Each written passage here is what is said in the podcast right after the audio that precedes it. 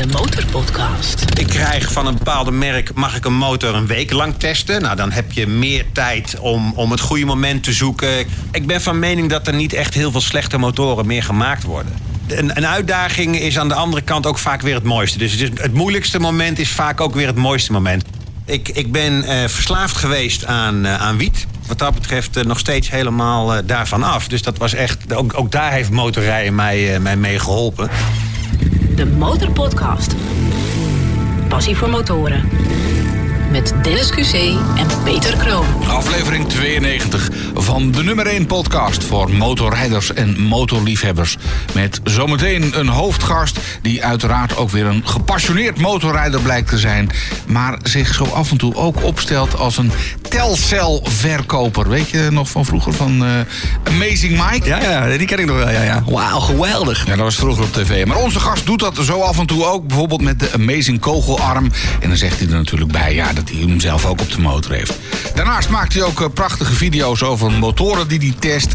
En daarover vertelt hij zometeen uiteraard alles hier in de Motorpodcast. Verder gaan we het in deze aflevering natuurlijk hebben over ons feest dat er aan zit te komen. Op zondag 15 oktober in Poppodium De Vorstin in Hilversum. Een feest waarbij we de 100ste aflevering op gaan nemen. En dat wil je natuurlijk niet missen. Zondagmiddag 15 oktober zet het vast in je agenda. Details bespreken we zometeen. We zetten natuurlijk onze motoren op het podium. Ja, dit is die van Dennis. Yamaha R1. En ja, dit is mijn Harley. Ja, het gaat echt opschieten nu. Ook met de kaartverkoop trouwens. Het, het gaat hard, dus heb je nog geen kaart, ga naar de motorpodcast.nl. En ben je vriend van de show, blijf dan luisteren, want eh, dan geven we zometeen nog een tip hoe jij erbij kunt zijn. Ja, dus alle details zometeen hier in de Motorpodcast. En Ilse van MKC Motor schuift zometeen nog even aan voor een nieuwe masterclass. Gaat dit keer over motorjeans en sneakers. Dus als je daar alles over wil weten, blijf je ook zeker even luisteren. En dan natuurlijk onze eigen motormomenten. Ja, wat heb je beleefd? Ja, ik heb, ik heb wat een en ander beleefd. Ik ga binnenkort eventjes naar... eh, of tenminste, dat heb ik nog niet beleefd. Dat ga ik nog beleven. Ik ga naar eh, de Bike Shed in, eh, in Londen. Leuk, leuk. Ja, Op de motor? Nou, ik ga niet op de motor, want mijn vaste verkering gaat mee. En die zag er toch niet zo zitten als ze Nou achterop moeten. En links rijden en door Londen. En, dus het wordt uiteindelijk gewoon het vliegtuig. Maar ja, dan kun je wel daar even lekker rondhangen. En ja, ze hebben daar echt tientallen, wat zeg ik, misschien wel honderden van die café-racers vooral. En dat vind ik wel heel erg leuk om daar eens even tussen te neuzen en gewoon eens even te kijken. En een goede pint beer natuurlijk. Uiteraard, ja, ja, ja. En, en er is nog een bike zit natuurlijk in Los Angeles. Daar moet ik ook nog een keer naartoe. Dat, eh, dat is eh, voor later dan. Ondertussen heb, heb ik wel ook even een close encounter gehad met een echte Hells Angel. Oeh, liep dat goed af? Een Amerikaans. Ja, ik dacht, ik moet natuurlijk ook even een beetje badass doen als, als zo'n gast in de buurt is. Dus eh, dan vroeg ik hem eh, ook meteen even wat hij dan van mij vond. En dit, dit is wat hij zei. hè. Peter, a so-called badass biker. yeah. Nou, zo, zo, Hij moest er wel om lachen. Zo, zo serieus eh, neemt een echte Amerikaanse Hells Angel mij dus eigenlijk. En, en jij? Een eh, alternatieve Elfstedentocht gereden. Die is normaal 200 kilometer. Maar ik was even een rondje Friesland aan het doen. 347 kilometer. Maar wel Elfsteden. Jouren, Sneek, Leeuwarden, Bartelheim. Oké. Schijnt officieel geen Elfstedenstad te zijn. Maar gewoon een gehucht met twee huizen. En volgens mij niet eens een kerk. Eh Beurdaard, Marm, Stiens, Mantgum, Blauwhuis, Woudsend en Lemmer. Dat is een leuk rondje. Lekker rustig op vrijdagmiddag. Maar als je zoveel kilometer hebt gemaakt, ben je gewoon tig keer over het bruggetje bij Bartelheim gegaan? Nee, gewoon een rondje, rondje Friesland. Heerlijk hoor. Ah, oké, dus- En het was lekker rustig op vrijdagmiddag, dus ik kan het iedereen aanraden. En ik heb eh, luisteraars gesproken die zeiden... ja, er moet ons iets, toch iets van het hart... want jullie hebben het al over driewielers die geen motorrijders zijn volgens jullie. En zij kennen dan weer een driewielerrijder... die uiteindelijk op die driewielen, eh, dus zeg maar als automobilist... Mhm. Toch een beetje eh, eh, motorkoorts kreeg... en uiteindelijk toch zijn echte motorrijbewijs... met een emmetje in het kenteken is gaan halen. Dus mag ik zeggen, er is nog hoop? Er, er gaat dat ook- te ver? Het, het- het komt uiteindelijk dus allemaal goed. Allemaal weer goed. De Motorpodcast. Achter het vizier van... Mr. Motortest TV, Peter Hofman. Welkom in de Motorpodcast studio. Dank jullie wel. In onze Ja. eigen bike shed. Ja, nou, het ziet er goed uit. Mooi, Ja, ja. eh, mooie krijtler hier op de achtergrond. Dus wat dat betreft, ik voel me helemaal thuis. Hey. Nou, je moet hem voor de geur eigenlijk, eh, eigenlijk eens een keer starten, Peter. Eh, dat het hier een beetje ruikt naar... eh, Ja, ik, ik kan hem wel even starten. Klinkt lekker, hè? Heerlijk. Ga met die banaan, want hij is nog geel ook.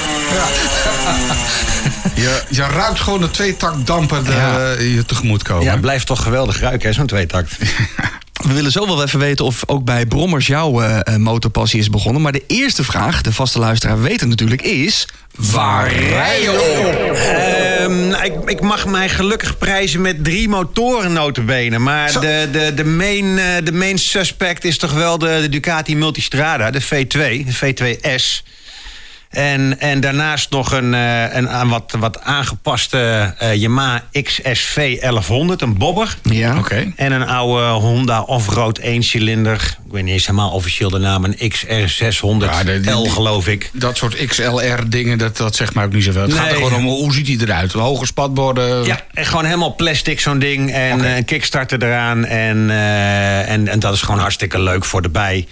En eh, ik zeg dat ook wel eens, dus de Doomsday's bike. Hè? Dus als ooit de wereld vergaat, dan heb ik nog een motor die het altijd doet. Oh ja, want het is met die andere twee niet het geval. Du- zit- Ducati stuk gaat, die zeggen ze altijd. Dat eh, zou kunnen inderdaad, maar er zit zoveel elektronica aan... dat je op een gegeven moment natuurlijk niks meer zelf kan. En zo'n old school eh, bulletproof Honda, ja, die blijft natuurlijk altijd gaan. Ja. Ja. Maar welke pak je het meeste? De, de Duke, denk ik. Eh, de Duke, ja, Ja. zeker. Want dat, Zeker. voor de mensen die hem niet kennen, de Multistrada.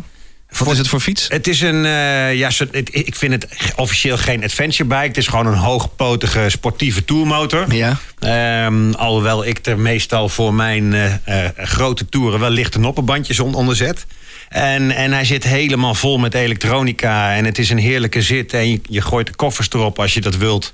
Dus het is, het is echt een, een multistrada. Dus je kunt er alles mee. Ja, want ik heb hier een, eh, een blog gelezen die schrijft... het is de perfecte fiets voor als je een alleskunner wenst... die ook nog een beetje chic is. Nou, dat is hij volgens mij wel. Hij ziet er chic uit. Ja. En Ducati zelf zegt... de ideale motorfiets om ten volle te genieten van elke route. Veelzijdig in het dagelijks gebruik en in de stad. Altijd met de sportiviteit en onmiskenbare stijl... die elke Ducati karakteriseren. Nou, dit dat is een klopt wel. prachtige Google-friendly eh, marketingtekst. maar op zich kan ik hem volledig onderstrepen. 100%. Ja. Hey, en ook nog een bobber. Dat is Ja. iets totaal anders Ja, maar weet je, motorrijden en het motorrijgevoel... dat zit bij mij niet vast aan een, eh, aan een merk of aan een model. Ik zeg altijd heel gekscherend... als ik geld en ruimte genoeg zou hebben... dan stond er van elke smaak eentje in de schuur. Nou, dat eerste is allebei niet het geval. Dus dan moet je een beetje kiezen. En die, eh, die bobber, ja, ik moet je zeggen... als ik daarop rij... En dan neem ik het niet altijd even nauw met alle veilige kleding. Dus het is echt lekker een zomerfiets om even richting, eh, richting eh, het plein te gaan of naar een kameraad. Voel ik me wel heel erg stoer op zo'n ding. Ik kan Ja. het niet ontkennen. Oké. Ja. Le- Leren jekje aan en verder gewoon spijkerbroek. En... Ja, nou dat nog net niet. Het zou wel heel erg hippie zijn, maar wel gewoon, weet je, wel met jeans aan en natuurlijk wel mijn helm en mijn handschoenen. Maar De motorjeans dan. De, de motorjeans Ja, ja. uiteraard, ja. En ehm, eh, dat, ik, ik, ja, het, het geeft gewoon een gevoel. Zo'n ding stuurt natuurlijk in, in, in vergeleken een multistrada voor geen meter. Eh, als je strak sturende machine gewend bent. Maar het, het is een beetje worstelen en het is eh, wat rustiger aan allemaal. En je komt zelden boven de 80 km per uur. En dat is heerlijk. Oh, dan moeten jullie elkaar een hand geven. Want jullie zijn dan wel van het, een, een plofzondagmiddag ja, dat, is, eh, dat- dat is heerlijk. Dat is dit niveau, hè. Dat is echt... eh, Ja, nou dat. Ik weet ook zeker dat ik met die bobben nergens door de geluidstest kom. En dat is heerlijk als je hem start. Dus ja, weet je, het, het zit niet, voor mij in elk geval, het motorrijgevoel zit niet vast aan, eh, aan één model. En wat, wat, is het, wat is het dan wel? Wat betekent motorpassie voor jou dan wel? Nou, motorpassie is, is op een machine zitten, die machine eh, zelf bedienen. Hè? Omdat je. Ik, voor mijn gevoel doe ik iets meer op een motor als dat ik in een auto rijd. Dus je zit met je koppeling en alles. Dus, dus daar ben je mee bezig. Ik ben ook nog wel een klein beetje van de nostalgie. Dus het mag, weet je, een beetje gevoel, een beetje trillen, dat mag het zijn. En uiteindelijk is het, het heerlijk door het landschap eh, zoeven. En zit je op een Ducati eh, of, of op, een, op een snelle racer of wat dan ook. Dan ben je al gauw bezig om, eh, om een snelheidsrecord neer te zetten. En eh, kijk je eigenlijk alleen maar naar het asfalt voor je. Terwijl, eh, en dat is het leuke met Motortest TV. Op het moment dat je dan vervolgens op een Royal Enfield rijdt. Eh, eh, een grote eencilinder. Dan zoef je heerlijk door zo'n landschap heen. En voor mij is dat eigenlijk net zo genieten. Ja. Ik vind het allemaal mooi. De Motorpodcast. Gratis in je favoriete podcast-app. je- je stipt het al even aan, hè. Motortest TV. Ja, Ja. waarom, waarom ben je daarmee begonnen? Om op zoveel mogelijk motoren te kunnen en te mogen rijden? Ja, nou ja, ik had een, eh, een, een situatie. Ik, ik ben eh, verslaafd geweest aan, eh, aan wiet. En ik heb daar hulp voor gezocht. En dat is inmiddels acht jaar geleden. En eh, ik had eh, een mooi spaarpotje met geld. En ik heb eh, mijzelf toen voorgezegd van als ik dit een jaar vol weet te houden om, om ermee te stoppen. dan mag ik dat hele potje geld helemaal leeggooien eh voor, een, voor een nieuwe motor. Of in ieder geval een andere motor. Ja. En, Goeie ehm, beloning. Sorry? Goede beloning. Ja, 100 procent. 100 En, en dat heeft me zeker geholpen. En eh, wat dat betreft eh, nog steeds helemaal daarvan af. Dus dat was echt. Ook, ook daar heeft motorrijden mij, mij mee geholpen. En ehm, ik ben eigenlijk voor mezelf begonnen om videootjes te maken van de motoren die ik ging testen. Want ik denk, ja, ik heb nou een mooi potje geld. Ik wil alle smaken gaan proberen. Want ik lig dus niet vast op één smaak. Ik denk, wat vind ik nou echt geweldig? Ja. En daar ben ik videootjes van gaan maken. Eigenlijk puur voor mezelf. Om na dat jaar eens even terug te kijken van wat vond ik nou ook weer van die motor. Ah, nou, en, en dat heb ik op YouTube gegooid, want ik deed al wat met YouTube. En dat werd op een gegeven moment opgepikt door, eh, door Premium Motors in Apeldoorn, waar ik een motor getest had. En eh, die zei van, goh, vind je- ik, heb- ik vind dat je een leuke video gemaakt hebt. Vind je het leuk dat wij hem op onze socials posten? Ik zei, nou, dat is prima. En dan heb ik wel een klein beetje een commerciële inslag. Ik zeg, maar dan kom ik ook even een bakje koffie bij je doen. En met, met het verhaal van, ja, kijk, jullie hebben hier een hele snoepwinkel vol staan. Ik zeg, als jullie Ik mij- wil ze allemaal wel testen. Ik, ik wil ze allemaal wel testen en er een videootje van maken. En, en dan mogen jullie die video gebruiken. En zo is eigenlijk Motortest TV eh, ontstaan. Inmiddels eh, zes jaar geleden. Ja, Zo wordt het bijna wetenschap. Welke motor past het beste bij mij? Weet je, eh, ik vind Motortest TV is alles behalve eh, wat dat betreft een wetenschappelijk onderzoek. Want er zijn heel veel journalisten die veel beter dan ik een, een motor helemaal kunnen doorsnijden. Van, nou, daar zitten die boutjes in, dat heeft die slag. Ik, ik weet het niet eens precies hoe het technisch allemaal zit. Bij mij is Motortest TV wat voor gevoel krijg ik bij een bepaalde motor. Ja. En eh, ik, ik denk dat dat ook hetgene is, want het kanaal is redelijk gegroeid inmiddels, dat dat hetgene is wat mensen leuk vinden om naar te kijken. Mijn persoonlijke beleving op die motor. En dan zijn er genoeg andere media waar je vervolgens eh, de wetenschappelijke benadering van de motor kan vinden. Dat kun je allemaal googlen en Ja. nalezen. Ja, daar heb je mij voor dit, nodig. Hoeveel zus, ja. Eh, dus, dus op die manier is Motortest TV ontstaan. Eh, de passie voor motorrijden, het leuk vinden om ook eh, een video te editen. Eh, jullie zitten hier in een prachtige studio en we nemen het nu op. Maar er komt na die tijd heel wat werk nog bij kijken om de podcast voor elkaar te Ja, krijgen. dat vergeten mensen zegt. Ja, nee, maar dat, dat vergeten heel veel mensen. En, en jullie doen het met geluid. En er zit verschrikkelijk veel werk in om dat te doen. En als je dat niet leuk vindt om te doen. Ja, want dan- hoeveel werk zit er dan nog in voor jou na, zo'n, eh, na een rit met een motor? Nou, dat, het Neem ligt- ons eens mee. Ja, nou, eh, het, het, is, het ligt er een beetje aan. Er zijn twee opties. Of ik krijg van een bepaalde merk... mag ik een motor een week lang testen. Nou, dan heb je meer tijd om, om het goede moment te zoeken qua weer. Dan heb je, eh, kun je de, de, de shots kun je er beter bij gaan zoeken. Maar een eenvoudige...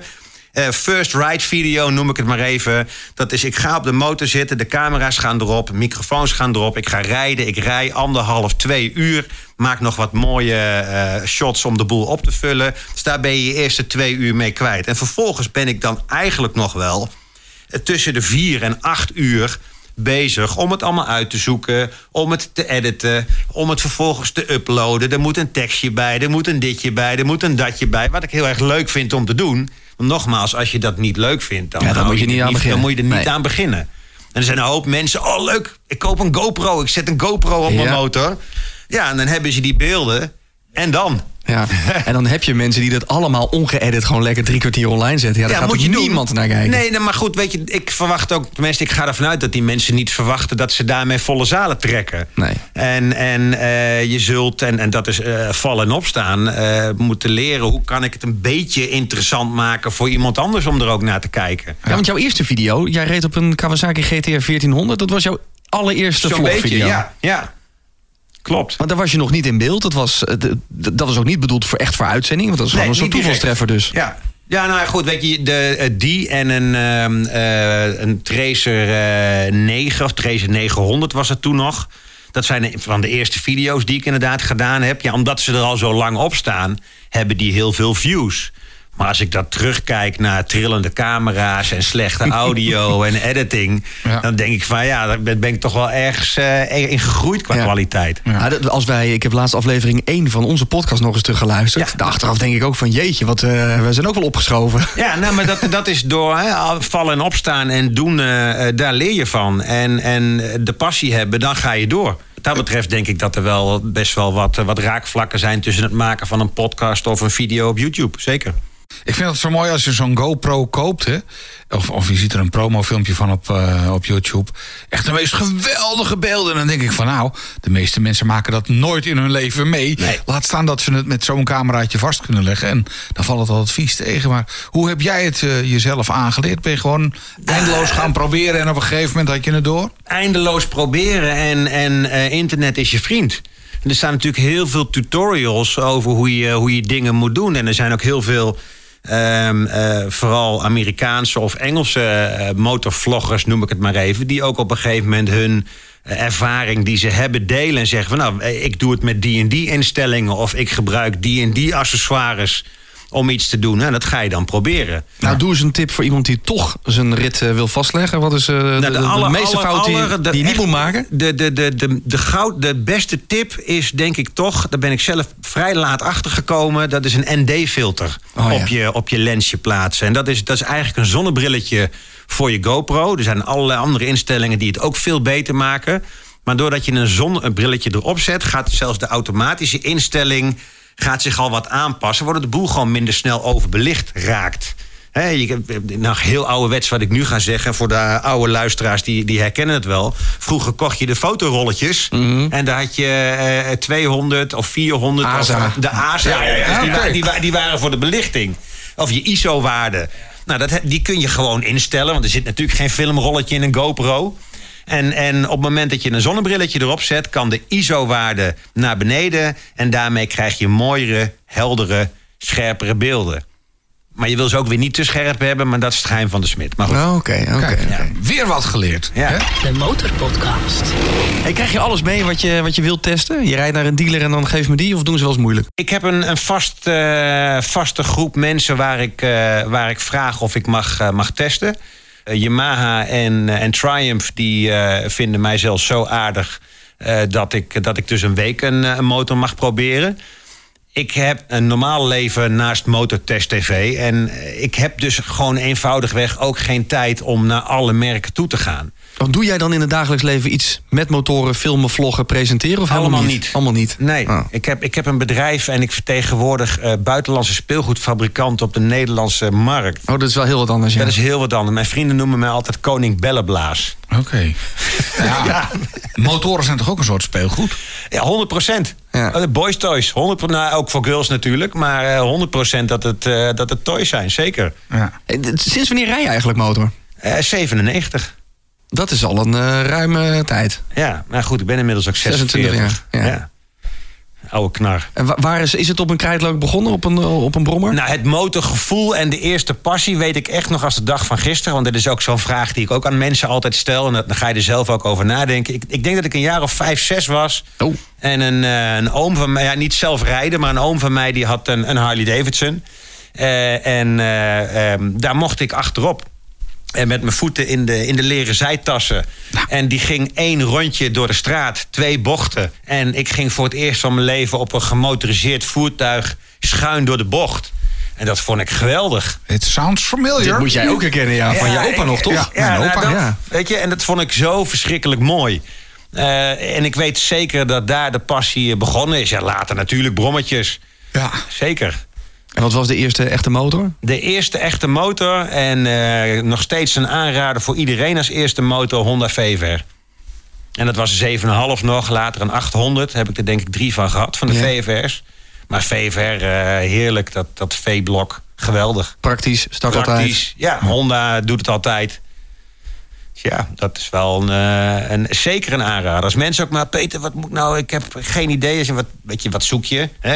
Er zijn best veel mensen die mij dan vragen van... Goh, wat moet ik voor motor kopen? Ja. Dat vind ik heel moeilijk om daar voor iemand een antwoord op te geven. Maar een veilige keuze is heel snel een Honda VVR.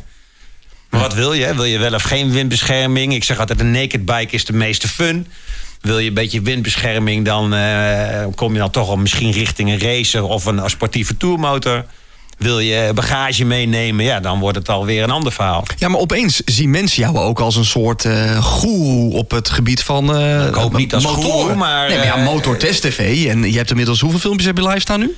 Ik weet het niet eens uit mijn hoofd. Ik denk dat er een stuk of eh, 400 staan inmiddels. Ik kan Ja. me voorstellen dat je dan op de motorbeurs of op een ander evenement wordt aangesproken. Joh, Ja. Peter, vertel me eens, eh, doe eens je advies. Maar je bent geen verkoopadviseur. Nee, nul.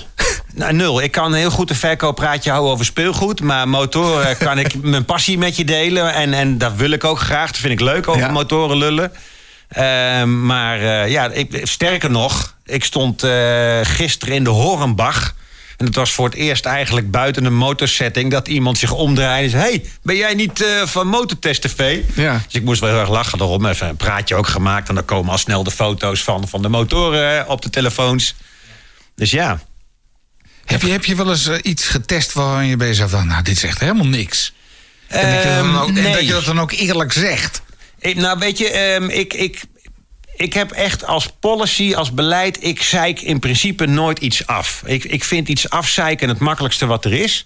En ik probeer wel aan te geven van, nou, dit vind ik niks. Maar ehm, zit jouw passie of jouw idee in die richting... dan kan het voor jou wel wat zijn. Maar ik ben van mening dat er niet echt heel veel slechte motoren meer gemaakt worden. Nee, en plus, eh, de zithouding kan voor jou met 1,80 eh, ruk zijn, maar met, Ja. voor iemand van 1,70 fantastisch. Precies. Ja. Weet je, dus, dus ik, ik, eh, ik zeik niet af. Ehm, maar ik, ik krijg wel eens, dat is wel grappig, dat mensen eh, in de reacties onder de video's zeggen van... Goh, ik kan aan de enthousiasme in je stem horen dat je die wel heel erg leuk vond. Nou, Peter zei net, eh Mr. Telcel. Wat had je nou gezien voor videootje? Nou, dat ging over een, eh, een dingetje waarmee je, weet ik veel, een of ander stangetje waarmee je dingen kon Rem, bevestigen. remmount, denk ik. Nou, ja. en dat vond ik net. Ik denk van, nou, ik zit gewoon naar Telcel te kijken. Oh, dit is zo geweldig, zo amazing. En het werd vastgemaakt. Nee, en ik heb het zelf ook. Ik denk, ja, dat hoor ik wel honderd keer. Ik heb het zelf ook. Ja. Maar doe eens nu, nu eens eerlijk, hoe vond je dit? Ik, nee, maar ik heb alles van, ik heb alles van Remmount. Ik vind het, weet je, en dat is ook het leuke. Ik, ik, eh, als, ik, als ik enthousiast ben over een product, Ja. dan vind ik het leuk om daar eventueel een video over te maken. Er staan ook hele positieve video's over TomTom op mijn kanaal.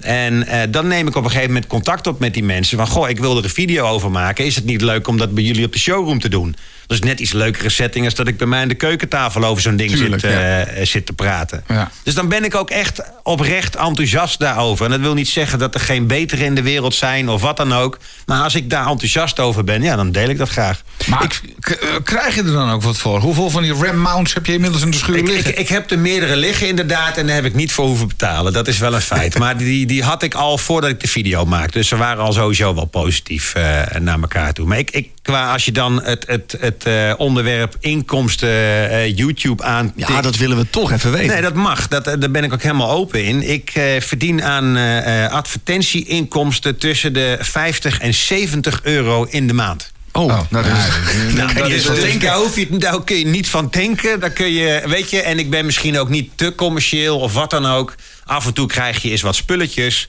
Ehm, voor mij is de winst dat ik eigenlijk, wat ik straks zei... had ik geld en plek genoeg... dan had ik van elke smaak een motor in de schuur staan. Deze hobby faciliteert dat ik eigenlijk wel alles kan rijden. En Ja. dat is voor mij de winst. Ja. Gaan we je zo ook nog even vragen. Hè? Virtueel eh, stellen we een ton beschikbaar. En eh, dan zijn we benieuwd naar wat je dan wel zou gaan kopen. Mag het meer zijn als een ton ook? Nee, we hebben maar een ton. Een ton. en we doen natuurlijk Nou, ook we- een toen we de podcast erbij. begonnen, zeiden we van... eh, wat zou je doen met een miljoen? Maar er kwamen we al snel tot de conclusie... ja, een, een miljoen komt gewoon niet op. Nee. Dat is best lastig. Toen hebben we het maar verlaagd naar een ton. De Motorpodcast. Maar wat je zegt, ik, wat ik gek vind, is dan ga je een testrit doen. Ja, hoe, hoe snel ben je weer terug? Dan verwachten ze dat je binnen een uur of anderhalf uur weer terug bent. Eigenlijk kun je een motor toch niet in drie kwartier tot een uur leren Nee. kennen. Je moet er gewoon even een hele dag of een weekend mee weg. Eens, eens. En dat is ook wat ik meestal inmiddels wel doe. Normaal gesproken is een proefritje een half uurtje, officieel. Een half uurtje, een uurtje. maar dat is toch gek? Nee, niet voor mij, hè. Maar dat als jij, als jij een motor gaat kopen... Dan Een half uurtje, ja, Een half uurtje is een beetje de standaard. Ja. Ik, ik ben het met je eens dat met een half uurtje rijden... Dan je heb je hem nog niet gevoeld. Nee, want je wil even door een dorpje rijden, wil even een N-weg pakken, je wil even, even gas geven op de snelweg, je wil zeker. even bochtjes doen. Zeker. Ik was niet binnen een half uurtje terug volgens Nee, mij. en, en dus de meeste mensen waar ik mee samenwerk, daar is het vaak ook zo. eh, eh, bijvoorbeeld eh, de jongens van Startwin in Loenen, de Ducati-dealer. Die, daar haal ik hem op, op vrijdagmiddag op. En dan, eh, ze zijn op maandag gesloten, dus dan kan ik hem dinsdag weer inleveren. En dan kun je een, een motor leuk aan de tand voelen. En, en Yamaha en Triumph, die, eh, die komen hem brengen, notabene, bij mij op de zaak. En dan eh, komen ze hem op eh, vrijdag brengen en de vrijdag daarna halen ze hem weer op. En, en dan kun je een motor goed testen. Daar ben ik zeker met je eens. Maar ik, ik wil er eigenlijk nog een stapje bovenop doen. Ik heb, pas het, ik heb het idee dat je een motor pas kent als je hem een jaar hebt. Dan, dan, Eens, dan, eens, dan voel ja. je pas echt. Ja, Ik bedoel, ik, eh, door, door jouw filmpjes of door filmpjes zoals jij ze maakt... Ja, dan word ik altijd een beetje verliefd op een bepaalde motor. En ik van, oh, anders wil ik hebben. Ja. En dan eh, ga ik een proefrit maken. En ik wil ook nog wel goed. Maar als je dan uiteindelijk echt hebt...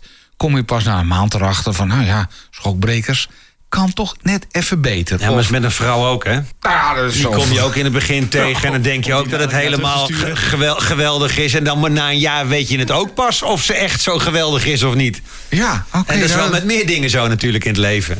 Ja. De tip van Peter hoor ik. eh. Ja, ja, weet je, weet je ik, ik snap heel goed wat je zegt. En, en het is met alles is het zo. Eh, Soms zou ik dat ook wel eens willen hoor. En ik heb het met mijn eigen motor wel eens vergeten. Om inderdaad dan een, een langduurtest eh, te doen. Hoe, hoe, hoe tevreden eh, of wat zijn de dingen die je vindt van een motor nadat je er een jaar mee gereden hebt. En dat zijn uiteindelijk de beste tests. Maar dan komen er uiteindelijk eh, komen er hele kleine dingetjes uit die heel specifiek voor jou zijn. Ik vind het gas net wat te zenuwachtig of niet. Maar is dat dan een reden om een motor wel of niet te kopen? Eh, de, de trillingen in de, in de voetstepjes vind ik net wat te vervelend, ja of niet? Ja, of nee? Weet je, dus dat, dat zijn denk ik de dingen die je daarmee eh, merkt. En natuurlijk, dan merk je je onderhoudskosten pas echt. Ja. En dat soort dingen. Dus het, het, het zijn eerste indrukvideo's. En dat is ook heel duidelijk wat, wat Motortest TV is. Nou, eh, laten we heel eventjes jouw multistrada erbij pakken. Ja. Die hebben je al een. Ja. Hè, Stel, ze bellen van Ducati op. Nou, ze bellen je wel eens Ja. van Ducati. Eh, het mag nog iets beter. Het mag nog iets mooier. Wat adviseer jij hen dan ja, over de multistrada? Nou, Want- ze hebben het gedaan en dat is niet om ze een schouderklopje te geven. Ik had eh, de 950S en ik heb nu de V2S, dat is de opvolger daarvan. En eigenlijk alle dingetjes die ik niet zo heel prettig vond, die hebben ze bij deze verbeterd. Dus hij, hij is. ehm, en dan wordt het, weet je, daar ben ik dus niet. Het gaat dan weer om gevoel hè, bij mij, zonder Ja. dat ik hem helemaal technisch. eh, de- de- hij is net wat soepeler op het gas. Ehm, hij, hij, ik heb het gevoel dat hij net wat lekkerder stuurt. De elektronica is weer wat uitgebreider. Ze hebben het zadel wat lager gemaakt, waardoor ik eigenlijk een hoger zadel weer op moest zetten. Dat Maar ze gedaan. gaan voor jou de elektronica toch niet aanpassen? Ze kunnen het menu toch niet aanpassen? Nee, nee, maar de, de, de, de V2 heeft net weer wat meer eh elektronica. instellingen erin. De instellingen. Oh, Dus oké, het ik is dacht net al. weer wat, wat uitgebreider. En ik ben natuurlijk wel, wel een gadget freak. Dus ik, dat, dat, ja, daar hou ik wel van. Maar heb je het idee dat ze echt naar je geluisterd hebben? Nee, nee, 100% Uh, van niet. Nee, zeker niet. Zeker Oh, niet. dat zou nee, maar het, het waren de dingen die, die ik zei van... goh, dat zou ik wel anders zien. Die hebben ze dan ook gedaan. Het ruitje was weer... Nee, ruitje is zelden gebleven. Maar net, net weer iets, iets beter. De, de handvatverwarming was nu beter geïntegreerd. Net wat- echt wat ik zeg, dat zijn die kleine neuzeldingetjes... waar je na een jaar, anderhalf jaar rijden Ja. achterkomt. En die hadden ze verbeterd. Oké. Hij was weer iets lichter geworden. De, de wielen waren wat lichter geworden. Door de, en, en, en lichtere wielen, dat weten we. Draaiend gewicht. Als je daar eh, de massa van verlaagt, dan, dan, dan merk je dat direct. Dus ja, dat, dat, dat was wel te merken. En is er nu helemaal naar je zin? Of Ja. moet hij nog een keer terug? Nee, hij hoeft voor mij niet nog een keer terug. Het enige wat ik. eh, Je, je wil misschien iets meer vermogen nog. Maar aan de andere kant, 113 pk is eigenlijk zat. Ja. Ik bedoel, Ik, vind, ik ben de laatste die zegt dat meer pk's niet leuk zou zijn. Deze heeft voldoende. En als ik dan, dan komt ook een stukje prijs om de hoek kijken. hoor. Als je naar de V4 gaat met 170 pk, helemaal grandioos. Maar die heeft ook weer meer gewicht, een ander prijskaartje. Eh, ja, ik vraag me af of ik daar heel veel gelukkiger van zou worden. Voorlopig gaat deze deur niet uit. Nee, dat is niet de bedoeling. Nee. Nee. nee. Ja, maar Hey, dat dacht ik van die vorige ook eigenlijk. En die had ik, dat was de allereerste motor die ik nieuw kocht in mijn leven.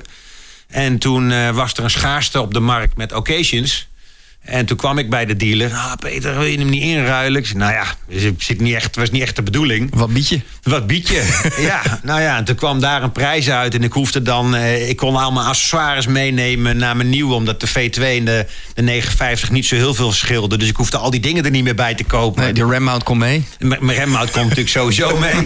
Maar, maar ook mijn elektronische tankdop en mijn ruitje... en wat andere liflafjes die je in de loop van de tijd natuurlijk erop zet... die konden allemaal mee. Ja, en ja, toen heb ik het maar gewoon gedaan. Jij bent nu niet op de motor. Nee. eh, maar we hadden het in het voorgesprekje al eventjes over motorkleding. Net heb je het ook aangestipt. Hoe ben jij met motorkleding? Heel strikt. Behalve als het echt mooi weer is. En, eh, Eh, ik, ik moet heel eerlijk zijn dat ik merk naarmate ik wat ouder word, dat ik er soms wat minder strikt mee ben. Ja, dat En betekent? dan, sorry? En dat betekent? Dat betekent, dat betekent altijd een motorjas. Dat betekent altijd handschoenen, altijd een helm. Voor impact beschermt motorkleding sowieso niet.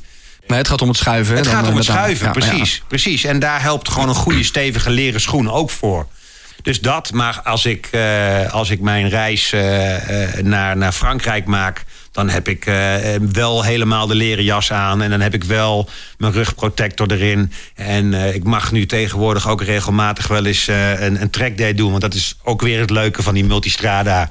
Het ene weekend rijk op Spa en een week later eh, rijk richting Frankrijk. Ja, dan moet je weer in vol leer. En dan, en dan gaan, moet je weer een vol leren. En dat is ook logisch. Peter, we praten zo verder met je hier in de Motorpodcast. Gaan we het zeker ook nog even hebben met je over de trips die je maakt. Maar eerst eventjes naar eh, Ilse, want die is inmiddels ook aangeschoven aan de desk van de Motorpodcast. Met haar gaan we het nu eerst hebben over Motor Jeans. De Motorpodcast. MKC Moto Masterclass. De MKC Moto Masterclass, waarbij we elke masterclass één product of onderwerp aanstippen waar Peter en ik alles over willen weten. We zijn weer aangeschoven bij Ilse. Zij is verkoopspecialist bij MKC Moto. Nou zit ik hier in mijn motorjeans, eh Ilse. En ik heb vanochtend even gekeken of daar een keurmerk in zit. Want ik wilde weten, hoe veilig is motorjeans eigenlijk? Ja, motorjeans het, het is eigenlijk alleen maar veiliger geworden. Al zitten er wel wat, eh, wat gradaties in, eh, in hoe een jeans bijvoorbeeld eh, verstevigd is. Dus je hebt verschillende eh, keuringen. Je hebt broeken die hebben een, eh, alleen een A-label. Maar die zijn dan versterkt op bijvoorbeeld alleen de valplek als het ware. Dus billen, heupen en knieën. Maar de broek die jij aan hebt bijvoorbeeld... heeft alweer een eh, triple A-keuring. Die heeft volledige bescherming door de gele broek heen. Zowel knie- als heupprotectie. Dus ook eh, niet alleen voor het glijden... maar ook eh, voor de valbescherming eh, ben je in die zin eh, voldoende beschermd. Beschermt dus ongeveer net zoveel als een leren pak. Het is denk ik eerder vergelijkbaar met een textiele pak. Omdat leer toch nog wel de meeste bescherming biedt onder de kleding eh, die we hebben. Oké, nou hoop ik er niet mee onderuit te gaan. Maar in principe zou de motorjeans mij dus eventjes op het asfalt moeten kunnen redden. Zeer zeker. Ja. Absoluut. Nou heb ik er van die protectoren in, in gedaan. Is dat heel erg belangrijk? Want ik voel ze wel zitten. Het is niet oncomfortabel. Maar horen die er echt in of kan ik ook zonder rijden? Je kunt zonder rijden, zeker. Ze zijn natuurlijk ook allemaal uit te halen. Je moet zo'n broek een keer gaan wassen nadat je ermee hebt gereden. Maar het is natuurlijk niet aan te raden om ze eruit te halen. Omdat ze... hè, We zijn heel erg bezig met wat als we glijden. Je moet ook impactbescherming hebben. Dus ook om die val wat te dempen. En daar zijn die protectoren weer heel belangrijk voor. Nou rijd ik op een sportmotor en Peter is echt eh, de Harley-rijder. Is er voor elke rijder een motorjeans te vinden? Want ik neem aan dat een Harley-rijder er iets anders uit wil zien... dan ik als wat sportieve rijder. Ik durf wel te zeggen dat wat ik hier in de winkel eh, heb hangen aan, nou, veel rijders wel eh, voldoet, denk ik. Je hebt bijvoorbeeld chino's of die cargo broeken, dus echt met de zak op de zijkant voor een hele andere uitstraling. Of de gewone motorjeans, die in verschillende kleuren en pasvormen te krijgen is. Was het niet Doezoe die een keer heel veel afleveringen geleden sprak over een motorlegging? Daar waren wij toen nog zo verbaasd over. Een motorlegging, ik vind dat dan weer niks. Ik ga toch niet meer naar motorlegging? Ik moet er gewoon een jeans staan. Maar je hebt ook leggings die je onder je normale broek kunt dragen. Bijvoorbeeld Pandomoto heeft die. En daar zit gewoon echt eh, bescherming in. En die kun je dan onder je eigen kleding dragen. En ja, daar zie je dus verder niks van. Mocht je dan vallen, dan scheurt je gewone spijkerbroek aan stukken. Maar dan zorgt die legging ervoor dat je vel niet meegaat. Precies, dus misschien niet handig om je lievelingsbroek aan te doen als je dan eh, als je gaat rijden. Nee, je moet gewoon rechtop blijven rijden, toch? Dat zijn alle tijden. Onder jeans horen natuurlijk geen lazen, maar sneakers. Ja. Is daar nog keuze in? Ja, best wel veel. Eh, je hebt een wat sportievere sneaker, qua uitstraling ook. Hè. Een wat, wat dunnere zool bijvoorbeeld. Of een wat klassiekere, als je gaat voor een bepaalde stijl... dat je een, eh, een mooie boot wil, in verschillende kleuren en stijlen. Of wat meer de casual, eh, ja, die lijkt op een sneaker, of een hoge sneaker eigenlijk. Ik ben er geen fan van, maar Peter is gek genoeg fan van rijden in de regen. Hoe waterdicht zijn motorsneakers? Ja, daar zit wel wat verschil in. Je hebt schoenen die echt aangeven hè, in, de, in de benaming al waar R achter staat. Nou, die zou ik dan niet aandoen. Die zijn nu voor de mooie dagen juist weer eh, heel aantrekkelijk, maar voor regen niet. En er zijn een aantal eh, sneakers waar het Gore-Tex-membraan in zit. Of sneakers die hun eigen merkmembraan hebben. Dus die op die manier wel voldoende bescherming bieden. Tot een zekere hoogte voor de regen. Voldoende keus. Een motorjeans, vanaf welke temperatuur wel en onder welke temperatuur absoluut niet meer? Blijft een klein beetje discutabel puntje. Maar ja, ik hou ongeveer tussen de 15 en de 25 graden aan. Puur als richtlijn. Nou zijn natuurlijk ook mensen die zeggen... ja, maar ik heb het altijd warm. Hè, dan geldt daar wat anders voor. Maar het is echt voornamelijk bedoeld om met mooi weer... en mooie omstandigheden te rijden. Want het is niet waterdicht. Dus daar moeten we wel even rekening mee houden. Wil je nou meer weten over motorjeans of over motorsneakers... of andere dingen die je aan moet trekken? Ga dan even langs bij een van de winkels van MKC Moto... en laat je daar goed voorlichten door een van de verkoopspecialisten. Of kijk gewoon op mkcmoto.nl. MKC Moto Masterclass. De Motorpodcast. De Motorpodcast. Gratis in je favoriete podcast-app. Snel terug naar onze hoofdgast, Peter Hofman. De man achter Motortest TV. Hij test motoren, maar maakt ook vlogs over motorevenementen. En maak nu ook reisvlogs, want je bent Ja. op reis geweest. Ja, ja, eh, zeker. Net terug. Nou, het reizen vind ik sowieso geweldig. Hoe dan ook. Ik bedoel, of je nou met een vliegtuig of een auto weggaat. Ik ben natuurlijk motorrijder. En inderdaad nu ook een vlog ervan gemaakt. En er wordt heel erg leuk op gereageerd. En ik ben ook niet van steen, dus van een hoop positieve reacties word ik ook wel gemotiveerd.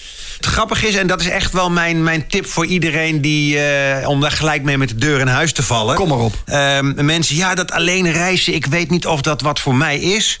Ga gewoon eens eerst een dag rijden in je eentje naar een hotel, waar dan ook, en weer terug. Kijk, dus gewoon eerst is, dan ben je twee dagen in je eentje onderweg, is niks aan de hand, kun je allemaal binnen een weekendje doen en je bent als het moet binnen, binnen 12 uur weer thuis als je heimwee hebt. Maar dat, is een hele, dat was voor mij ook de eerste. Want ik ben ook een mensenmens en ik denk, oh, ik, moet, ik moet met vrienden op pad en dit en dat. Dus ik ben een paar jaar geleden voor het eerste keer naar. ehm, Brugge. Nee, nou ja, Duitsland. Noem het even Hamburg, maar het was niet, eh, niet Hamburg gereden. En, eh, en weer terug en daar gewoon een hotelletje gepakt. En dat vond ik al helemaal geweldig. Ja. Dus, dus dat was de eerste vorig jaar ehm, naar Oostenrijk. Eh, dat was een eh, zes, zeven, acht dagen in totaal. En dit jaar inderdaad naar, eh, naar de Côte d'Azur. In totaal twaalf dagen. Dus weer een stukje langer, een stukje verder. En pracht, ja, echt prachtig om te doen. Had je alles van tevoren uitgestippeld of gewoon lekker op de Bonnefoy? Ik had, ik had een, ehm, ehm, een inmiddels gepensioneerde... Ik zei net, ik vertegenwoordig buitenlandse speelgoedfabrikanten. Daar zat een exportmanager en die was met pensioen gegaan. Daar kon ik ontzettend goed mee. De beste man had het geluk dat hij een vakantiehuisje in, eh, in Zuid-Frankrijk heeft... En eh, we hadden in december al afgesproken van... ik kom van de zomer een keertje een paar dagen wijntjes drinken bij jou. Nou, dat was het enige wat echt vast stond. Ik ben natuurlijk wel wat dingen van tevoren gaan bekijken. Dus ik, ik zet vaak wel wat, eh, wat campings en hotels in mijn tom-tom. Dat als ik ergens rijd, dat ik niet heel veel hoef te zoeken. Dat ik denk, nou, daar kan ik wel naartoe. Maar reserveren of, of eh, nee, niet. Dus eigenlijk is het gewoon gaan. Ja. En dat is heerlijk om te doen. We horen wel vaker van, van mensen die hier in de Motorpodcast te gast zijn van... ja, als je alleen reist, heb je toch meer contact met de locals? Zeker. Maar dan zit je alleen aan, aan, Ja. aan de bar en dan begint iemand een praatje Ja. met je... en dan is 100% waar. Kan ik helemaal onderstrepen. En het, het leuke is, als motorrijder eh, eh, vinden mensen dat ook bijzonder. Het meest, meest grappige voorbeeld daarvan eh, is... ik zit op een gegeven moment in Frankrijk... dat was alweer op de terugweg op een terrasje... en er- loopt een, een jochie van een jaar of 15... Die, die loopt om een motor heen te draaien. Dus ik denk, ik loop er even naartoe. En in, in half Frans, hangen, half Engels. monsieur GoPro?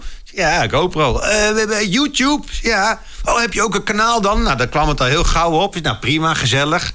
En, en tien minuten later staan er vijf, zes vriendjes bij elkaar. Want dat, ik denk dat er nooit wat gebeurt in dat dorp.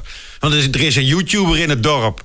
En eh, eh, ze moesten met me op de foto en dit en dat. dat Moment of fame. ja, weet je, geweldig. Dat is toch lachen? Dat is superleuk. Maar, maar ook onderweg eh, of bij een pompstation. Weet je, dit, dit zijn de cliché dingen die je van iedereen hoort. Maar het is gewoon waar. En gebruik je dan bij de reservering... Hallo, eh, bonjour, c'est Peter, de, de Motor Test TV. eh, Je veux une réservation? Nee, Pour nee, mon channel YouTube? Jij kan echt Frans. Nee, sorry. Dat is, mijn Frans is ongeveer net zo goed als mijn Dat wist Chinees. Ja, nee, maar bij mij is het heel simpel. Parlez-vous anglais, s'il vous Ja, ik zag het je doen, met, ja. Met, met mijn Hollandse accent. En dat werkt perfect. Dan breek je het ijs. Ja, maar je kan natuurlijk ook wel misbruiken of gebruiken. Dat je zegt, joh, Motortest TV, ik wil eh, volgende week langskomen... en eh, meteen even een vlogje maken. En dan krijg je natuurlijk de mooiste kamer met upgrade. ik ben daar toch wat te bescheiden voor om dat misschien te doen. Eh, ik, ik, ik, zie het ik doe het wel, ja, ja en nee.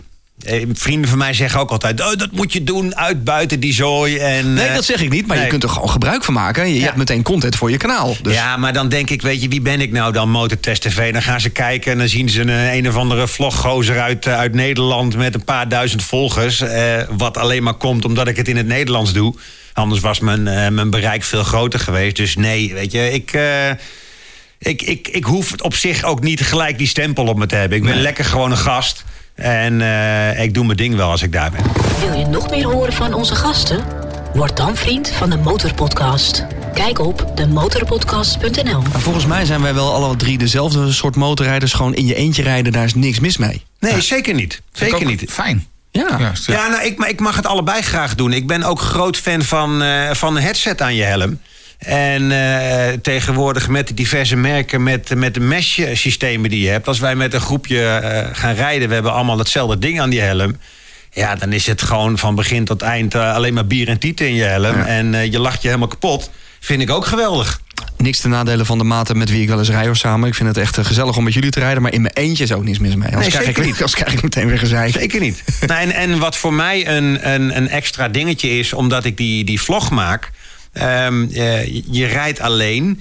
Maar ik heb er nog een, een extra bezigheid bij. Omdat ik, dat ik, ik wil bepaalde shots hebben. Ik wil mijn verhaaltje doen. Waardoor je een extra bezigheid hebt.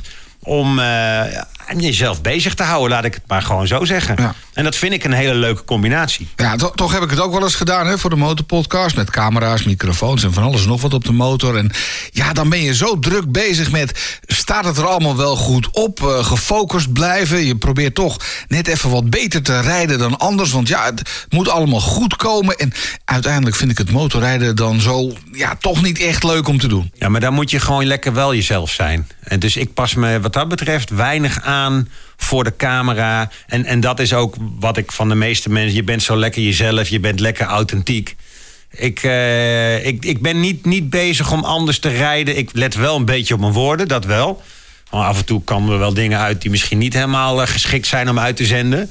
Maar qua rijden en dat soort dingen, nee, daar heb ik echt volledig lak aan. Om, eh, om, daar hou ik geen rekening mee. Je gaat niet even een bochtje dat je denkt van... nou, dat kan nog even wat strakker. Wacht even, zet ik mijn cameraatje even in de hoek... en dan nou, pak Nee. hem nog net even nee, wat mooier. Nee, absoluut niet. En, en dat is ook zoiets. Ik rij gewoon lekker door. Hè. Eh, Nu, nu deze Frankrijk-reis eh, 3.500 kilometer in, in 12 dagen. Eh, waarbij twee dagen bij de beste man eh, wijntjes gedronken. Dus laten Mhm. we zeggen in tien dagen. Dus eh, dan, ik stop ook niet bij elke bocht. Om, Nee. oh, kijk mij Flinke hier. afstand afgelegd. Flinke afstand, ja. En, en dat, dat, dat is wat je in je eentje ook doet. Lekker doorrijden. Nou zijn er mensen in de podcast geweest. En ik, ik weet dat, zeker dat vaste luisteraars dat nu zeggen. Van ja, we horen bij die podcast motorrijders die solo naar de Noordkaap gaan. Of helemaal in hun eentje naar Kaapstad. Ja. ja hoe spannend is dan in je eentje door Europa? Voor mij is op het moment dat ik ergens rij en ik ben er nog nooit geweest, is het spannend. Dus of het nou Kaapstad is of de Noordkaap. eh, ik ben nog nooit met de motor door Frankrijk gereden. Nee. Dus, dus eh, hoe spannend is dat? Ik vind het heel spannend. Ja. Zeker. Hè, want we hebben hier in Nederland om de haverklap heb je een pompstation. En eh, oh, ik rij nog wel even door. Gooi hem nou maar vol. Want voor hetzelfde geld kom je hem niet tegen. Dus ik vind wel degelijk dat er een hoop avontuur in zit. Daar sta ik op een gegeven moment boven op de Col de Bonnet. Wat de hoogste eh, doorgaande pas van Europa is. Ja. En Tom Tom zegt, eh, je moet dit grindpad af. Omdat ik dat blijkbaar zo had ingesteld. En wat dacht je toen? En toen dacht ik, nou weet je, eh, ik heb heel veel respect en ontzag voor de bergen. Dus laat ik eerst naar het weer kijken. Nou, strak blauwe lucht. En dan, nou, die lamp staat al op groen. Ik heb noppenbandjes, oké. Ik heb een klein beetje ervaring. Dat ding kan het. Gewoon gaan. En uiteindelijk, ik dacht dat het een paar kilometer was... maar het was een grindpad van 20 kilometer. Oeh. Met in het begin gewoon een beetje grind... en op het laatst leek het net een droogstaande rivierbedding. Maar avontuur genoeg in Frankrijk als, eh, als lang antwoord op je vraag. En je omkeren kan altijd. Eh, Toch? nou, daar was het vrij lastig geworden. Maar eh, half, wat was het? Na een paar kilometer kwamen er ook motorrijders naar boven gereden. Dus ik denk, ja, als jullie naar boven kunnen, kan ik naar beneden. Dus ja, Was dat je mooiste moment ook van de reis? Ik denk het wel. Qua rijden in elk geval, laat ik het zo zeggen. Ik, eh, ik vond de bergpassen geweldig mooi. En die waren mooi in de zin van idyllisch mooi. Maar eh, het, het meemaken van dit grindpad, zeker buiten bereik van alles zitten en, eh, en gaan. Ja, ik, weet je, een, een uitdaging is aan de andere kant ook vaak weer het mooiste. Dus het, is, het moeilijkste moment is vaak ook weer het mooiste moment waar je aan terugkijkt. Zo is het, zo is het ja. We gaan nog even rap schakelen met je. De Motorpodcast. Zes versnellingen. Het idee is simpel, meteen antwoorden. Frankrijk of Spanje? Frankrijk. Nooit meer motorvloggen of nooit meer motor testen? Nooit meer motor testen. Een Italiaan of een Japanner? Italiaan. Balletje pinda of broodje koket? Balletje pinda. De Big Twin of de motorbeurs? Eh, Big Twin. Liever een wheelie of een knee-down? Liever een wat, sorry? Een wheelie of een knee-down? Eh, Oftewel, wheelie. of, ik, kan, eh, kan, ik, kan ze, ik kan ze allebei niet. Dus wheelie zou ik nog wel eigenlijk heel graag willen kunnen. Jij rijdt dus liever in Frankrijk dan in Spanje. Het deel van Frankrijk wat ik gehad heb... en dat is eigenlijk maar een heel klein deel van Frankrijk... want Frankrijk is natuurlijk een immens groot land... vond ik zo verschrikkelijk mooi. En het- wat ik in Spanje gereden heb... is een stukje Costa Brava en de Pyreneeën. Pyreneeën ook heel erg mooi. Maar Spanje weet ik nog niet uit ervaring... maar is toch wat gestrekter, wat dorder. Dus als ik moet kiezen tussen die twee... dan Frankrijk. Maar, Maar Peter gaat richting Frankrijk misschien binnenkort. Waar moet Ja. hij eh, naartoe? nou, wat wil je? Kijk, Zuidwest, jij rijdt. Harley... dus je zit niet te wachten op de, op de korte haarspeldbochtjes, denk ik dan. Nou, dat gaat steeds beter. Ja. steeds beter. Met, eh, ik heb andere veringen eronder laten zitten. Ja. En dat gaat eh, kan redelijk eh, strak door de bocht inmiddels. Maar hoe is het ook met Frankrijk? Speciale milieustickers en dat soort dingen moeten er ook Nou, op. daar heb, ik niks, heb ik niks van. Ik heb niet eens gekeken of het moest. Oh. Maar, Ik wou net vragen, voorbereiding? Nee. Nou ja, nee, qua milieu eh, heb ik nooit zoveel voorbereiding, sorry. Waar heb je het over? Nee. Nou ja, ik heb, ik heb met een, eh, met een eh, 2023 eh, Ducati volledig origineel gereden. Dus eh, dan ga ik toch vanuit dat hij voldoet aan alle regels in Europa. Ja, dat zal wel, ja. Gloednieuw. Ja. Ja. ik ik dacht dat er een plakkertje op moest, eh, speciaal voor Frankrijk. Maar ik goed, plak er dat, wel een motortest V-sticker op. Ik vind het prima. Zoeken we nog even uit. Ja. Ehm, Weet je, dat is ook vaak een beetje de bangmakerij hoor. Sorry dat ik er zo op, eh, op in. Ik, ik, ik vind nou, heel in vaak. Duitsland eh, sta je zo langs de weg. Ja, dat, ja oké. Althans, dat zie ik ook overal in alle blogs en vlogs en eh, waarschuwingen. Van ja, zorg dat Maar je de, de hoeveel beker mensen gaan er naartoe en hoeveel mensen... Tuurlijk, tuurlijk. Maar ik wil liever niet eh, la- Nee, de oma-agent aangehouden worden. Ik heb nu een, eh, een maat van mij, toevallig gisteren ook nog. Ja, ja, ik weet het niet of ik wel naar, naar Duitsland wil met me uitlaat en dit en dat. Dus we worden er ook wel heel erg bang voor gemaakt. Ja, misschien is dat wel de, de, de beste manier om, eh, om mensen geen herrie te laten maken. Want een beetje bang En, maken. eh, wegstellen, ja. Nou ja, ik weet niet of het zo is. Hè. Maar Ik ben, wat dat betreft ben ik altijd misschien een klein beetje eh, recalcitrant wat dat betreft. Ik zie het wel. En dan natuurlijk is het gigantisch balen als je zonder motor naar huis moet. Dan moet je ding weer op laten halen en weet ik veel allemaal. Maar eh, ik ga wel gewoon en dan als het gebeurt, dan gebeurt het. En eh, dan zie ik het wel. Maar dan toch even aanstippen. Je zei geluid. We zitten natuurlijk met het project Te Luid Geluid is uit. Het gezeik over de, dijkweggetjes, Ja. afsluitingen her en der. Eh, Ja. Hoe sta je daarin? Ik vind dat je respect moet hebben voor elkaar, zeker. En ik, ik denk. Het, verhaal heeft natuurlijk altijd twee kanten. Zoals altijd. Er zijn heel veel mensen die volgens mij bij de dijk zijn gaan wonen. En dat zijn voor mij dezelfde soort mensen die bij Schiphol zijn gaan wonen. En dan klagen over, het, over de overlast van Schiphol. Dat is punt één. Eh, andere kant van het verhaal. Er zijn daar gasten die rijden met uitlaten. Die zijn echt belachelijk hard. En, en die rijden continu diezelfde dijk heen en weer. Dus ja, weet je, probeer daar een balans in te vinden. Eh, Je moet, het is leven en laat leven. Zo is het. En, en ehm, ik, ik denk dat ehm, als jij gewoon lekker over een dijk heen toert... dat je niet zo heel veel overlast eh, bezorgt. Dat zou niet hoeven, nee. Nee. Nee, niet brullen. Gewoon Nee, niet brullen, maar dat is... om- Ja, dat. Gedraag je een beetje, ja. Ja.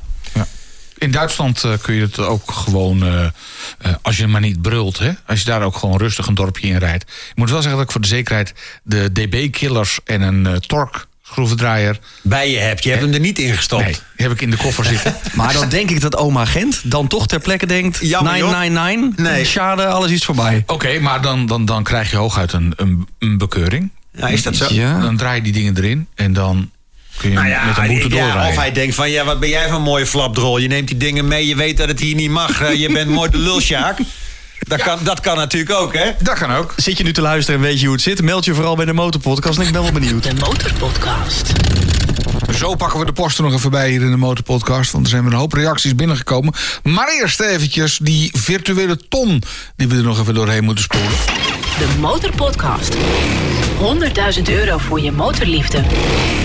Wat ga jij ermee doen? Ja, Peter heeft de calculator klaar liggen. Nou, bijna wel. eh, maar la- la- laat de calculator maar weg, gewoon uit mijn hoofd. Het is elke smaak een motor. Dus ik, ik ga even het hele rijtje door. Dat betekent een, een, een classic.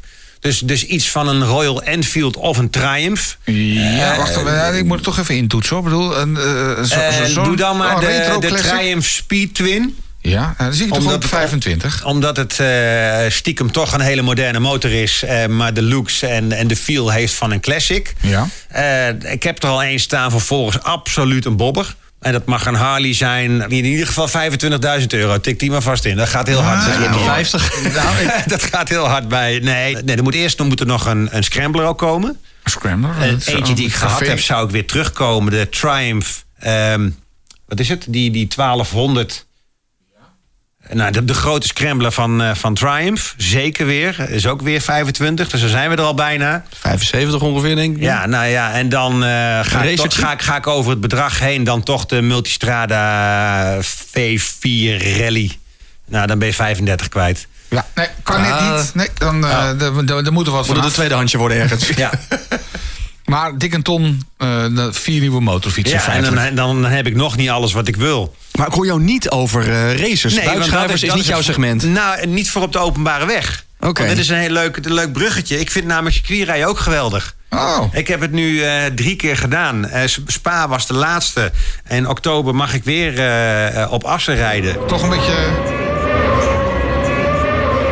Hier gaat jouw hart toch wel... Dit is Assen. World Superbike. Ja, zeker, zeker. Nou moet ik, nou moet ik, eh, nou moet ik gaan bekennen dat ik geen eh, MotoGP-volger ben. Maar een Formule 1-volger. En dat is Ja. gewoon zo gegroeid. En je kan dan niet alle sporten gaan volgen. Dus ik ben een groot Formule 1-fan. Maar elke GP-wedstrijd die ik zie, eh, vind ik geweldig. En vroeger, toen ik een jaar of acht was, was het met mijn vader naar Assen toe. En op, de, op de zandwal zitten.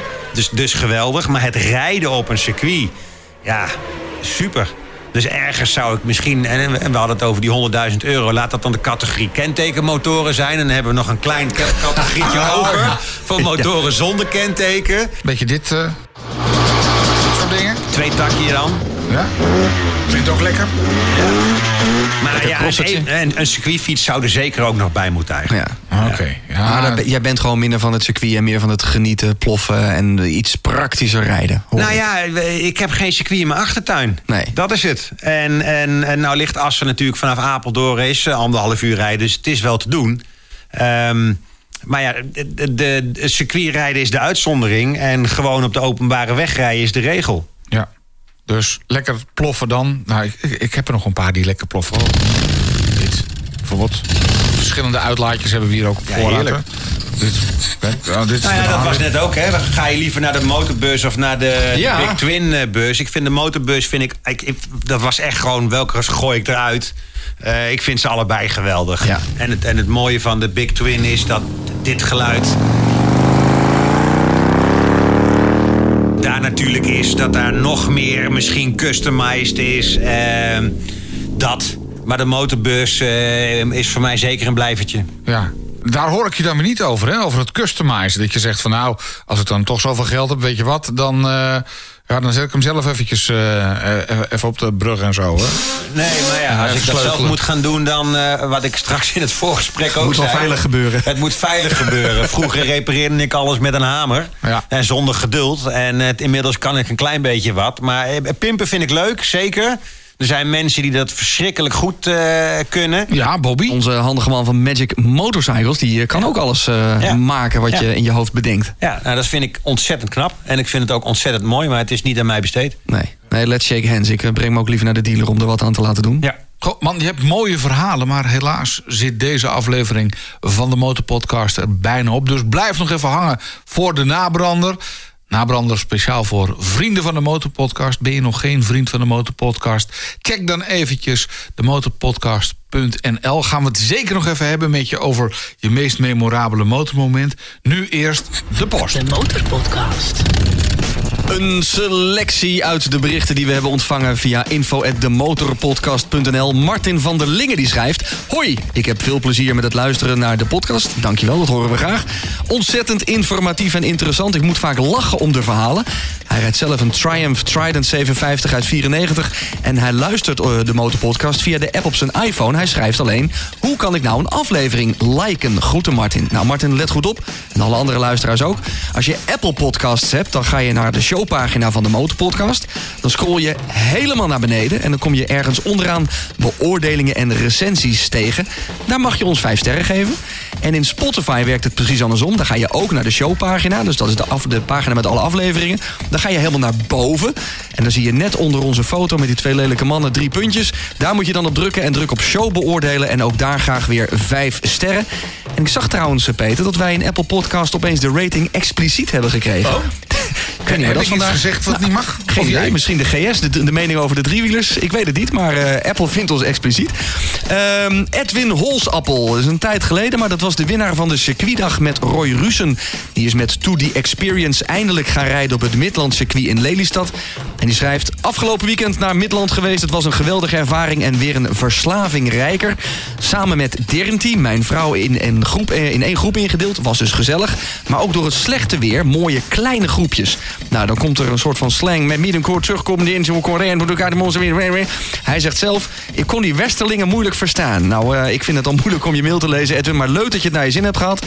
En er komt iemand terug op eh, de discussie over de gemiddelde leeftijd van de motorrijder. Want Jordi Hartog schrijft: Beste leden van de Motorpodcast. Ik heb jullie enkele weken geleden pas gevonden. Vind het een goede podcast, maar jullie hadden het over de gemiddelde leeftijd. Die zou 54 zijn en hij denkt dat dat niet helemaal klopt om diverse redenen. Nou, ik ben nog eens in de data gedoken. En in 2020, dat is dus wel drie jaar geleden, schreef het CBS. Nou, die hebben er verstand van, Peter.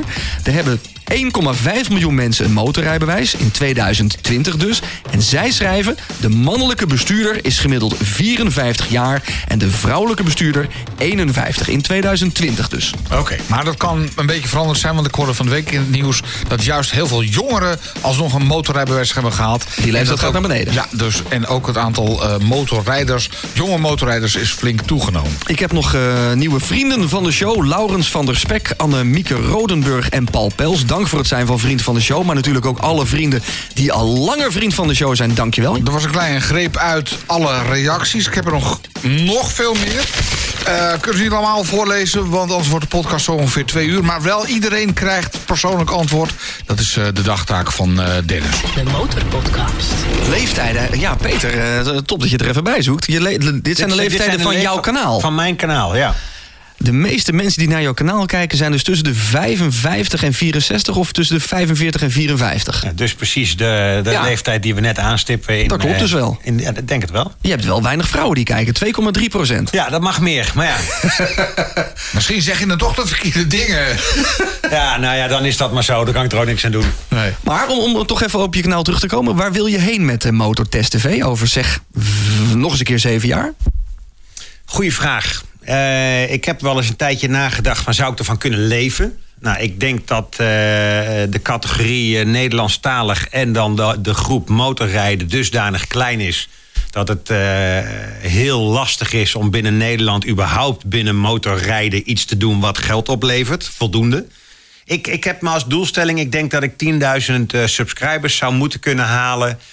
dat, ik, dat ik massa heb staan. Eh, zowel qua, qua eh, volgers als qua video's. En eh, dat ik nu liever iets meer tijd besteed om een goede video te maken. waar ik zelf echt helemaal blij van word. Als het afraffelen om zo snel mogelijk maar een video online te krijgen. En dus, dus ik hoop eigenlijk mooiere en betere content te maken. Nou, laat ik het zo zeggen. We houden jou en je kanaal de komende periode gewoon goed in de gaten. Dankjewel vast voor je komst naar de studio van de Motorpodcast in Hilversum. Je blijft nog even zitten. Voor de nabrander kunnen we het nog even hebben over je meest memorabele motormoment. Nabrander speciaal voor vrienden van de Motorpodcast. Ben je nog geen vriend? Check eventjes demotorpodcast.nl. En eh, Dennis, we moeten het op de valreep nog even hebben over ons feestje. Zondag 15 oktober. Er zijn nog kaarten. Dus zorg dat je erbij bent. Ga naar de motorpodcast.nl. Koop daar je ticket. Vijf pieken krijgt van ons eerste drankje gratis. Eh, we gaan een nabrander opnemen. Wij worden geïnterviewd door Kawa Je kunt je motorvering laten afstellen als je op de motor komt. Er komen speciale gasten. Dus zorg dat je erbij bent. Ben je vriend van de show? Reageer dan voor 31 augustus op het mailtje dat in je mailbox zit. Want als vriend van de show krijg je namelijk een gratis ticket. En eh, Peter, als eh, dank voor de komst naar de studio mag jij dit product gaan testen van handigschoonmaken.nl. Onze gewaardeerde partner, een vizierreiniger set. Kan ik jou vast vertellen dat ik die al getest heb? Ja? Dat, ik, dat ik dit verschrikkelijke fijne vizierreiniger vind? Nou, kijk eens aan. Dat horen we graag natuurlijk. Je hebt weer geluisterd naar een aflevering van Die Fijne Motorpodcast. De podcast voor motorrijders en motorliefhebbers. En vind je hem nou leuk? Deel hem dan vooral met andere motorrijders. En druk ook op volgen in Spotify. Want dan krijg je een seintje bij de volgende aflevering. En dan praten we met Hans en Dia. Zij reden van Puerto Natales in Chili, dat is zo'n beetje het zuidelijkste puntje op aarde, en reden in 237 dagen 55.984 kilometer naar Whitehorse. En dat is dan weer het noordwestelijkste puntje van Canada. Dat en meer in de volgende aflevering. De Motorpodcast. Gratis in je favoriete podcast app.